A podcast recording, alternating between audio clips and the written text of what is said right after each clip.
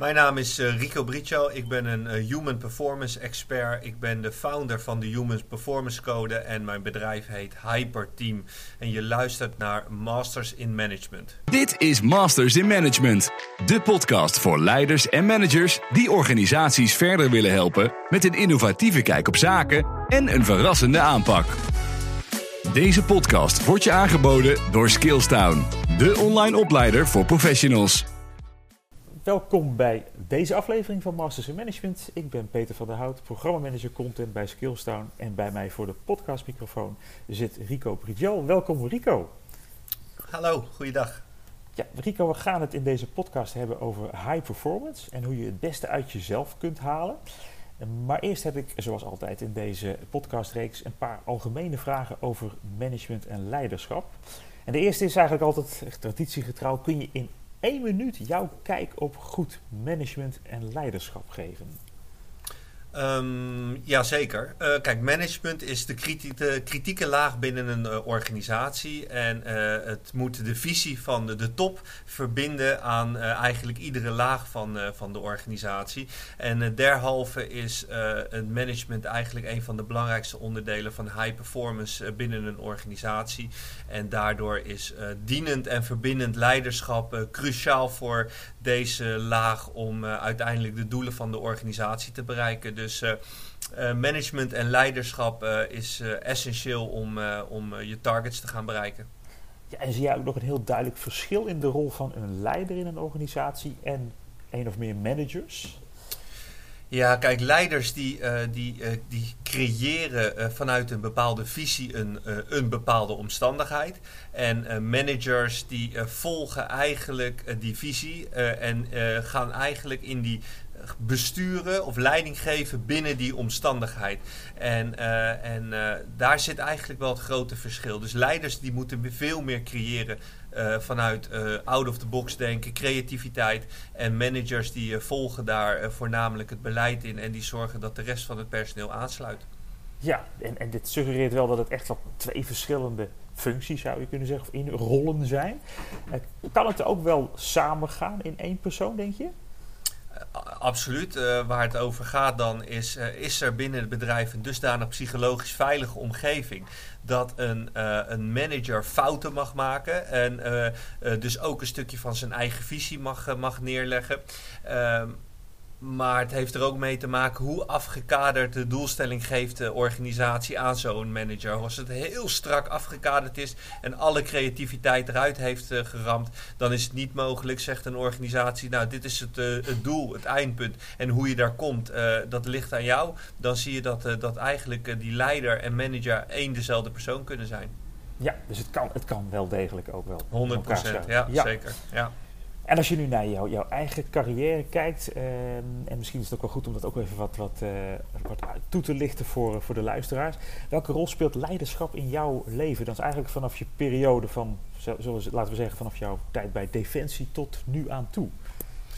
Ja, bij uh, Defensie is, uh, uh, daar zie je eigenlijk voor mij de puurste vorm van leiderschap. Dat zijn geen leiders die je moet volgen, anders dan je zou denken binnen Defensie, waar het hele strakke hiërarchische structuren kent.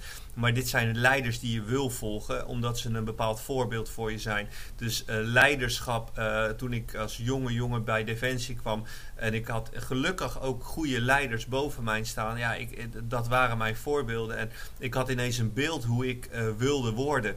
En gedurende mijn carrière binnen Defensie en daar uiteindelijk daarbuiten bij de politie en ook in het bedrijfsleven is dat wel mijn uh, uitgangspunt altijd geweest. Ik wil gewoon uh, zien waar ik naartoe kan groeien. En dat is mijn, uh, mijn vertrekpunt van, van groei op dat moment. Dus leiderschap heeft voor mij, het ontvangen van leiding heeft voor mij altijd betekent, kan ik de leider die ik zie, die ik voor me heb staan, kan ik die een, uh, is dat een voorbeeld voor me? Kan, wil, ik, wil ik zo zijn? En heel vaak was het antwoord ja. Dus daar heb ik ook een beetje geluk mee gehad. Ja. En, um, en nu als, uh, zelf als eigenaar van verschillende ondernemingen wil ik hetzelfde voorbeeld zijn als dat ik ooit heb gehad voor de jongere mensen binnen, ons, uh, binnen onze omgevingen. Juist. En vanuit, je noemt het net al, hè, je wil ook uh, uh, ergens naartoe. Hè, je wil duidelijk een, een, een doel, een, een ambitie hebben. High performance, hè, dan maken we de stap eigenlijk naar, naar high performance, denk ik. Um, Ja, kun, je, kun je uitleggen wat high performance inhoudt? Wat, wat betekent dat? Ja, high performance is uh, um, eigenlijk niets anders dan het benutten van je maximale capaciteit door voortdurend op zoek te gaan naar je next level. En um, wat je daar eigenlijk aan het zoeken bent, is wat is de verbeterde versie van jezelf ten opzichte van vandaag. Dus wat kan ik morgen anders doen om steeds ietsjes beter te worden. Waarbij je, uh, ja, het klinkt een beetje zweverig, maar waarbij je dankbaar bent voor het niveau wat je hebt. Dus je bent niet ontevreden. Uh, maar je weet ook dat het maximale nooit bereikt is. En dat kan altijd meer en beter. En uh, vanuit dat uh, vertrekpunt heb je eigenlijk dat fouten een prachtig leermoment zijn om door te kunnen groeien naar het next level wat daarboven zit. En dat is, dat is high performance puur zang. En nu heb je het ook, uh, als ik ga kijken, ook bij jou op, op je website, uh, bij Hyperteam heb je het ook over human performance skills. Zeven human performance skills die samenhangen met die high performance. kun je die toelichten en kun je, kun je er misschien ook voorbeelden van geven van die skills? Ja, je hebt een, een, een aantal menselijke gedragingen en dan moet je denken aan uh, uh, onbewuste gedragingen, bijvoorbeeld heel veel mindset. Je hebt te maken met motivatie, wat als iets heel mysterieus bestempeld wordt, maar dat is het niet. En je hebt een bepaalde vorm van commitment nodig als high performer. Maar waar je echt een effectiever mens van gaat worden, zijn inderdaad de human performance skills. Die human performance skills, daar ontspringt eigenlijk elke menselijke fout uit. Dus iedere gedraging die, of iedere omstandigheid is het principe van de high performer. Het is mijn eigen schuld. Waar heb ik de grip verloren? En dan krijg je die die seven uh, uh, performance skills, uh, die human performance skills. En die zijn analyse, analyse communicatie, situatiebewustzijn, aanpassingsvermogen, leiderschap, assertiviteit en besluitvorming. En uh, dat zijn ergens daarbinnen, deze zeven ontspringt. Dus iedere menselijk succes ontspringt daaruit. Omdat je op, wanneer je dit gaat toepassen op elke omstandigheid, dan ga je dus grip krijgen over nagenoeg alles wat je gaat overkomen. En dan is uh, het slachtofferschap dat je ergens jou iets overkomt, wordt vele malen minder. En je wordt veel meer een uh, creator. En daardoor kom je in de, in de bestuurdersstoel te zitten. En dan kun je denken aan nou, communicatie, megacontainerbegrip. Maar dat gaat heel erg over inclusief communiceren. Hoe communiceren wij nu als mensen? En begrijpen wij nou uiteindelijk hoe je boodschap over kan komen? En wat bijvoorbeeld je boodschap en een ander mens doet? Tot en met um, uh, uh, hoe kom je tot je besluiten. Uh, assertiviteit is een heel belangrijk. Soms komen de meest briljante ideeën uit mensen waar je het echt uit moet trekken. En als je dat overslaat of niet ziet, ja, dan zie je gewoon dat kansen niet benut worden. Dus zijn allemaal van, uh, van die voorbeelden. Situational awareness kun je uh, nieuwe informatie koppelen aan je bestaande plan en daar heel snel een uh, nieuwe oriëntatie op laten plaatsvinden, waardoor je een andere route gaat kiezen en misschien tot een beter of dan wel het gelijkwaardige resultaat kan komen. ja, en leiderschap is er natuurlijk ook eentje waar we het net al over gehad hebben. Ja, en, en dan gaf je net al heel mooi aan. Ja, op die punten kun je ook. Ja, daar, punten kun je fouten maken, of worden fouten gemaakt, omdat dat ook menselijk is, zeg maar. Um, als je nu heel bewust hè, die zeven uh, performance skills ook voor ogen houdt, hoe kan je dan eigenlijk toch op het moment dat je op zo'n punt weer aankomt, eigenlijk toch die draai maken van: uh, hey, in plaats van dat ik nu in een valkuil stap of in een oude gewoonte terugval, hoe kan ik op dit moment juist uh, die stap vooruit maken om er toch een succes van te maken? Hoe werkt dat? Het zit heel erg, ja, het zit heel erg aan de voorzijde. Hè. Kun je vanuit analyse kun je dan de seven skills aflopen, waardoor je uh, in, je in je oriëntatiefase, als je bijvoorbeeld iets moet gaan uitvoeren, kun je dan zorgen dat deze skills uitgedacht zijn. Uh, dus dat betekent analyseren. Uh, hoe moet ik communiceren? Welke omstandigheden kan ik verwachten? Dus eigenlijk jezelf voorbereiden.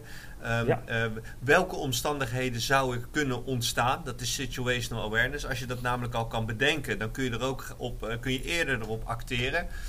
je aanpassingsvermogen betekent dat wanneer je dus al verschillende scenario's hebt, dat je vrij snel kan aanpassen naar een nieuw scenario. Leiderschap is iets wat moet ontstaan, verbindend en dienend. Daar zullen we ongetwijfeld zo nog wel eventjes op komen. Maar ook je assertiviteit. Als je weet dat je wat minder assertief bent, kies bewust een aantal punten die je in wil brengen, bijvoorbeeld in je team, zodat je uh, wel degelijk een bijdrage kan leveren. En het nemen van een besluit moet volledig met lef en durf gedaan worden. Dus als je vanuit die analysefase deze elementen mee gaat nemen, ga je al bewuster om met de situatie. Maar dat betekent niet dat er geen fouten gemaakt kunnen of mogen worden. Dat betekent juist dat die fouten een vertrekpunt zijn om weer verder te kunnen leren. Om de dag daarna een hogere performance level te kunnen uh, neerzetten. Waardoor een hele psychologisch veilige omgeving staat. En dan heb je te maken met teams waar mensen niet moeten werken, maar graag willen. Ja, ja, essentieel wat je net zegt inderdaad. Veilige omgeving om die fouten te maken. Want die fouten die horen erbij. Zijn zelfs onderdeel uh, van het proces om beter te worden. Toch? Zeker. Fouten, fa falen is niet het tegenovergestelde van succes, maar een, een onderdeel daarvan. Precies. En uh, even ook nog voor mijn begrip, veel, deze principes die, die komen, zijn ook helemaal al terug te voeren op uit jouw tijd uh, bij, bij Defensie en de politie, waarin jullie ook op basis van deze skills uh, opdrachten deden, je werk deden eigenlijk. Ja, het is, uh, een deel is uh, onbe onbewust bekwaam uh, gedrag. Okay. een, een, deel is, is geanalyseerd en dat is naar voren gekomen in het Team Research Management principe. En dan zie je eigenlijk welke gedragingen er binnen team teams tot succes leiden. Maar die gedragingen worden altijd uitgevoerd vanuit een individu. Dus wij hebben dat principe eens nader bekeken en kwamen er eigenlijk achter dat als je dus individuen bewust gaat, uh, gaat upgraden op deze principes, gaat het hele level van het team gaat omhoog. Dus uh, dit is van oorsprong een onderzoek van de KLM naar aanleiding van de vliegramp op Tenerife.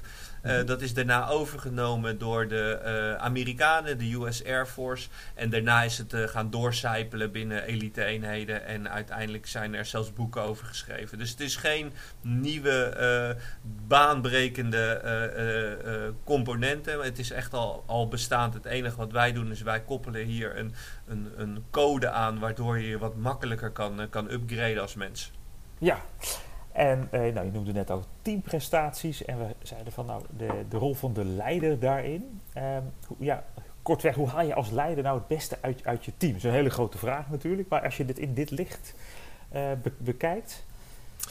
Ik denk dat je als leider het maximale uit je team haalt als je je als leider anders gaat opstellen. Wat we veel in het bedrijfsleven zien is dat de leider uh, die neemt de verantwoordelijkheid en uh, uh, die wordt beter beloond. Hè. Er zijn allerlei, allerlei factoren die natuurlijk daar meespelen. Maar wanneer je als leider gaat vragen wat kan ik voor jou doen om je maximale prestatie te gaan bereiken, dan zie je dat er een andere dynamiek ontstaat. En um, als je dan de seven skills gaat gebruiken in uh, teamgerichte evaluaties.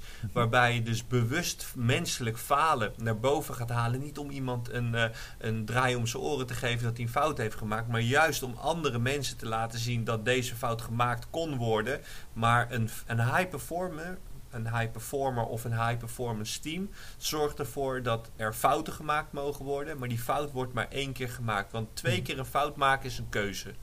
En daarin zie je dat er, uh, dat er dus heel gericht geëvalueerd wordt. En als je dan die uh, seven human skills uh, erbij pakt, dan ga je ervaren dat, dat, dat die foutmarge steeds kleiner wordt. Maar je ook steeds meer lef en durf gaat tonen om buiten de comfortzone te treden. Waar weer fouten gemaakt worden. Maar dat is wel weer groei. Ja, precies. Dan, dan begint het cirkeltje eigenlijk weer, weer opnieuw, ja. zoals je het beschrijft. En ja. wat, ik, wat ik nu ook begrijp, evalueren is essentieel. Dat je het echt met, met het team evalueert van wat hebben we hiervan geleerd, waar ging het fout, ja. oké. Okay. Dus dat is ook wel belangrijk ja. om dat uh, mee te nemen. Ja, er zijn, uh, dit is de, reflectie is een van de drie sleutelfactoren voor high performance teams. Dus reflectie, de wijze waarop je in actie bent um, en de wijze hoe je als team verliezen deelt en successen viert, dat bepaalt eigenlijk de mate van de effectiviteit van het team. Juist. En het hebben natuurlijk van een gemeenschappelijk doel, maar goed, dat mag duidelijk zijn. Ja, ja. Uh, nou, je, je, je, begeleidt hier mensen zeg maar, op individueel niveau, als teamniveau, maar ook organisaties als geheel. Hoe vertaalt dit zich dan op, op organisatieniveau? Dat is natuurlijk een grote complexe uh, structuur waar je dan in terecht komt, kan ik me zo voorstellen. Ja, wat mooi is, wij werken voor uh, investeringsbanken bijvoorbeeld, die investeringen uitzetten. En wat we dan vaak zien is dat de behoefte bij start-ups is om al heel snel richting een high-performance structuur te gaan. Ja. En dat heeft er eigenlijk alles mee te maken dat je een, al heel snel een cultuur creëert waar mensen een psychologisch veilige omgeving hebben, waar de kwaliteit van management en, medewerkers op een heel hoog niveau uh, wordt gesteld, maar waar innovatie ook een onderdeel is van, uh, van een bewuste keuze is van succes, waarbij dus innovatie betekent dus buiten de gebaande paden betreden en, en fouten maken en een, uh, en een actiegerichte open cultuur.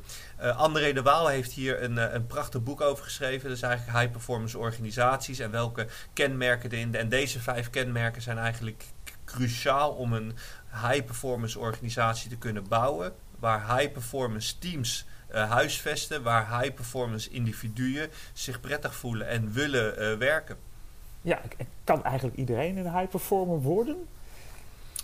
In de uh, principe kan iedereen een high performer worden. En uh, het is natuurlijk wel de context afhankelijk. Hè? Want als je een high performance uh, of een elite athlete gaat bekijken die, die op wereldniveau moet acteren, dat, daar zit ook een stukje talent in wat ja. ontwikkeld moet worden. Maar als je gaat kijken binnen de context waar je werkt, is high performance is een attitude. En het is niet een, een, een, een iets mysterieus, iets moeilijks. Het is, je kan het trainen. Het enige wat je hebt is je moet het willen. En op het moment dat je niet wil, uh, dan, uh, als je niet kan, is het een ander verhaal. Hè? Je hebt een, bepaalde mate van zelfinzicht nodig. Maar het belangrijkste is niet willen. Dat is uiteindelijk de doodsteek voor uh, elke prestatie. Ja, ja, dat is helder. En nou kom jij in heel veel organisaties in Nederland. Uh, wat, wat, hoe kijk jij er tegenaan? Hoeveel, ja, hoeveel procent zit al op het niveau van high performance, zou je durven zeggen? Ja, dat is, dit is heel moeilijk, want niet iedereen uh, gaat zijn cultuur openbaar maken. Uh, de organisaties, de grootste denkbare organisaties, heb ik nog nooit ervaren als een high-performance organisatie. Daar uh, uh, komen politieke, diplomatieke structuren worden uh, blootgelegd waar heel veel problemen uit voorkomen. Beloningsstructuren die high-performance in de weg staan. Het zijn eigenlijk de organisaties die ja, uh, uh, middelgrote organisaties, denk even 250, 500 mensen die echt in teams werken, uh, tech gerelateerd. Dat zie je ook vaak terugkomen omdat het heel erg data gedreven is en de ja. mensen een bepaalde mate van vrijheid hebben. daarin zie je dat wel terugkomen. Maar er is echt nog een hele grote slag te winnen, omdat er gewoon nog heel veel mensen onbekend zijn met het principe hoe je als organisatie elke keer je targets kan verbeteren. Ja, en is het nou zo dat je gaf net al tech, uh, middelgrote organisaties, is het ook zo dat relatief jonge organisaties hier makkelijker op scoren, of start-ups, zoals je al noemde? Nou ja, kijk, als je een start-up bent en je bent met z'n vieren en je gaat dit principe, ja. deze cultuur ga je leven, dan wordt alle mensen die daaronder uh, de organisatie gaat toetreden, die worden direct geïnfecteerd met die cultuur. Ja, dus ja. Uh, hoe kleiner je bent, hoe, uh, uh, hoe effectiever je het kan implementeren, hoe groter je bent, ja, dan zie je eigenlijk dat een, een, een heel groot schip, dat duurt gewoon even voordat dat van koers verandert. En dan moet je ook nog eens in die politieke weerwaar, moet je ook nog eens de juiste mensen vinden. En het probleem is dat iedereen doorpromoveert en dan komt er weer een nieuw persoon en die wilde weer een nieuwe kant op varen. En dan zie je eigenlijk dat de omvang van die organisatie organisaties de wendbaarheid minimaliseert. En dat is, uh, dan moeten ze vast gaan houden aan hele rigide processen om hun groei te blijven realiseren. Dus grote doorloop in personeel. Dus het is niet altijd uh, wenselijk om door te groeien naar die enorme grote clubs waar je uiteindelijk geen individu meer bent, maar een, een, een nummer. Ja, ja, nou goed, er is nog veel werk voor jou aan de winkel, dat is, dat is duidelijk. Zeker. Successen en missers. Ja, Rico, wat beschouw jij als jouw grootste succes in je leven tot nu toe? Goeie vraag. Um, ik denk dat mijn grootste succes is dat ik een karakter heb gecreëerd. Uh, en dat is mede dankzij mijn werkervaring, maar ook de, de, de, mijn, mijn, mijn, sportieve leven, uh, misschien ook wel een stukje opvoeding, waar ik een karakter heb gecreëerd waar ik falen niet als negatief beschouw. ik zie falen echt als van ik durf eigenlijk alles aan te pakken. Ik ben niet bang om op mijn bek te gaan. Ik, ik durf ja, ik, ik durf gewoon veel. En doordat ik veel durf, ga ik ook regelmatig op mijn smoel. Uh, ja, en dan uh, sta ik op en dan weet ik van, oh, dat moet ik dus niet op die manier doen. Dus ik zie het eigenlijk altijd als leren. En ik maak me dus ook niet druk om fouten. ja, ik, ik, ik pak de ownership erover. En ja, ik denk dat dat echt wel ervoor gezorgd heeft dat alle bedrijven die ik gebouwd heb, maar ook mijn, mijn niveau wat ik heb weten te bereiken binnen defensie en politie, dat is dankzij dit karakter. Ja, ja en dan zeg je eigenlijk, het is twee kanten van één medaille, succes en missen. In, in, in jouw uh, wereld bestaat het eigenlijk. Ik wou nu vragen van wat is je grootste missen? Maar ja, dat is, eigenlijk is dat misschien ook wel een succes, die missen.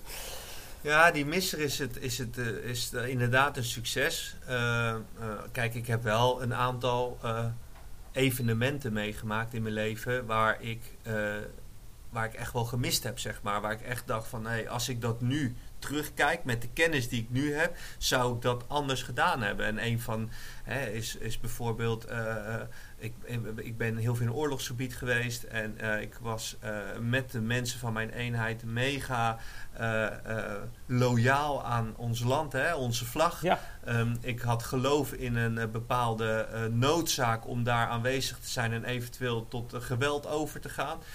Maar als je dan achteraf terugkijkt, dan kun je je wel eens afvragen: hadden de mensen die ons op pad stuurden diezelfde intenties? En dan kom je mhm. er heel vaak achter nu, met alle kennis die je hebt over hoe omvangrijk de macht is van bepaalde branches. Dat je denkt van ja, er zijn, uh, uh, kijk even nu wat er in Afghanistan gebeurt, waar ik ook geweest ben.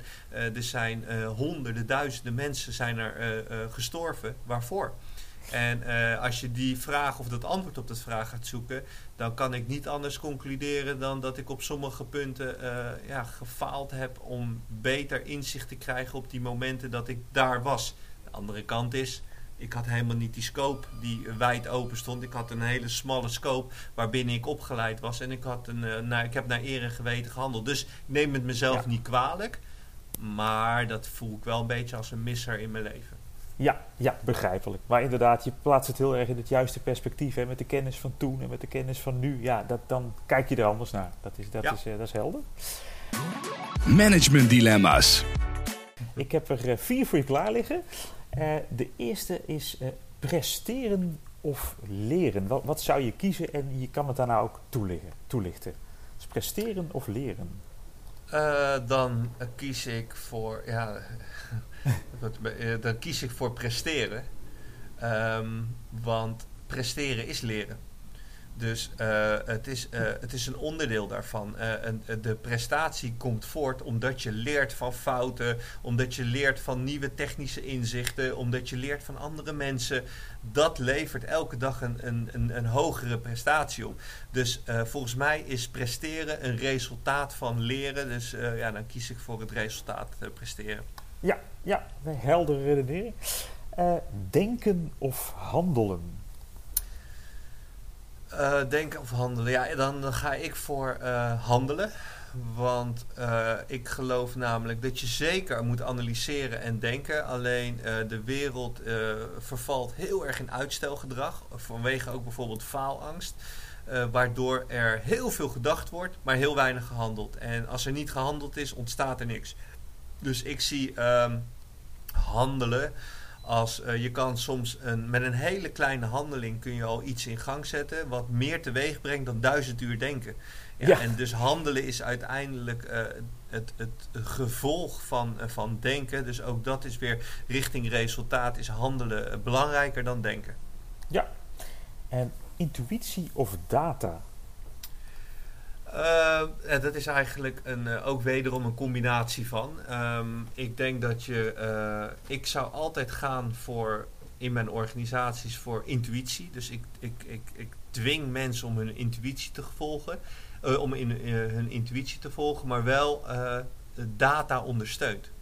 Dus op het moment dat je een, vanuit data bepaalde feedback krijgt, dan kun je daarnaar gaan handelen. En soms moet je ook bewust de data negeren om eens te kijken of om het te bevestigen. En daarvoor moet je gewoon intuïtie volgen en wederom die fouten toestaan. Als je die fouten toe laat, laat staan binnen je organisatie en mensen volgen in, in hun intuïtie, ja, weet je, geef ze alsjeblieft een, een, een, een veer, want dan, dat is namelijk waar heel veel dingen op gebouwd worden op intuïtie. En als mensen zich vrij voelen en ze voelen die intuïtie, mag je ze nooit remmen. Oké, nou, een, een goede, duidelijke opdracht. Tot slot, uh, ja, defensie of het bedrijfsleven? Lastig. um, ja, ook daar is weer een soort van combinatie. Ik denk dat ik nu absoluut kies voor het bedrijfsleven. Uh, maar wel met een achtergrond van defensie. Dus uh, de elementen, mindset en uh, de wijze hoe je jezelf intrinsiek kan motiveren. de commitment die je hebt aan je doelen. nu, ik dat, hoe ik, nu ik weet hoe ik dat binnen een defensieomgeving heb, heb gedaan.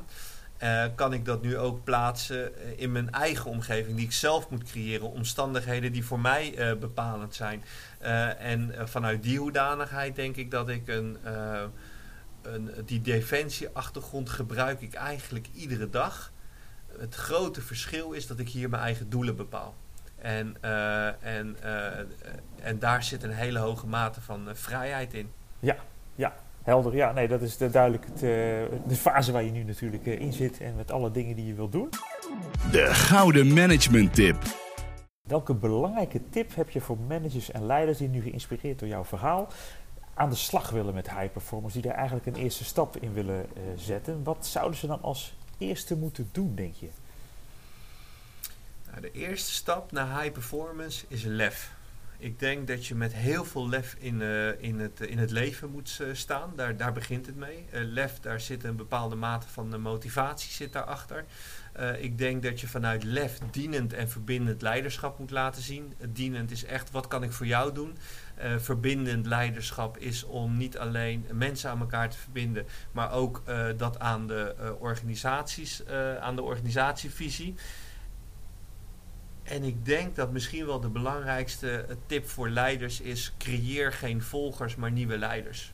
-hmm dat is wat ik altijd geleerd heb van mijn leiders. Zij wilden niet dat ik volgde. Zij wilden dat ik ownership pakte, leiderschap pakte over de taken die ik had. Uh, en als dat betekende dat je twee dagen binnen onze eenheid uh, was en je had een taak, dan luisterde de hele, het hele team luisterde naar jou. En jij was dan op dat moment ook echt het baasje van die taak. En uh, daarmee creëer je geen volgers, maar leiders. En zelfs als dat jouw eigen positie zou kunnen ondermijnen dan uh, moet je dat nog steeds blijven doen. Dat is met lef in het leven staan. En dan, uh, ja, dan heiligt het, uh, het doel de middelen. Ja, het lijkt me een prachtige afsluiting en een prachtige gedachte om, om die mee te nemen. Goede tip. Ja, bedankt Rico voor jouw inspirerende kijk op high performance. Heel graag gedaan. Ja, en ben je nu op zoek naar nog veel meer kennis en inspiratie voor managers, dan kun je terecht op het online kennisplatform van Skillstown.